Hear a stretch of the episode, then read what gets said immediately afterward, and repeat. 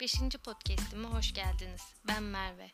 Bugün sizlere kitap okuma deneyimimi dijital ortama nasıl taşıdığımı anlatacağım. Ama önce e-kitap okuyucularından bahsedeyim.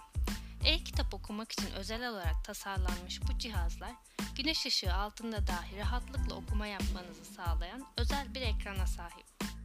Pil ömrü de normal mobil cihazlarımıza göre çok daha uzun, tablet benzeri cihazlardır diyebilirim.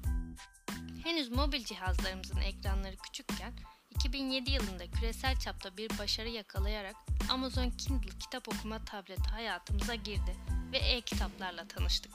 Biraz fiyatlarını pahalı bulsam da eğer düzenli olarak kitap okuyan biriyseniz mutlaka almanızı tavsiye ederim.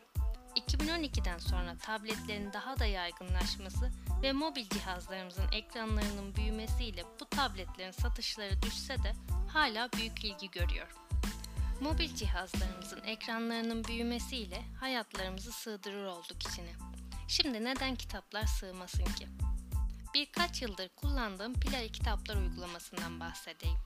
Google'ın geliştirdiği Play Kitaplar uygulaması bir e-kitap okuyucu kadar olmasa da buna çok yakın bir deneyim sunduğunu düşünüyorum.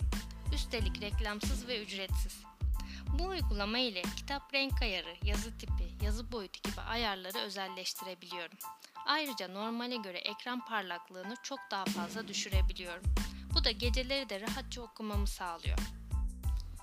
Play Kitaplar uygulamasından kitap satın alabilir veya diğer platformlardan satın aldığınız e-kitapları kütüphanenize ekleyip bu uygulama ile okuyabilirsiniz.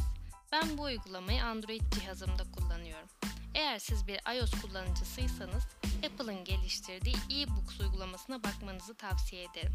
Çok benzer bir deneyim sunduğuna eminim. Ben bu şekilde kitap okumayı daha çok seviyorum. Eğer okumak istediğim bir kitap varsa önce e-kitap versiyonu var mı diye bakıyorum. Hatta kitapçılarda dolaşıp birkaç kitap seçip sonra onların da e-kitap versiyonunu bulup okuduğumda oluyor. E-kitap okumanın en güzel yanı da kağıt tüketimini önemli ölçüde azaltmış oluyorsunuz. Umarım faydalı bir içerik olmuştur. Beni dinlediğiniz için teşekkürler.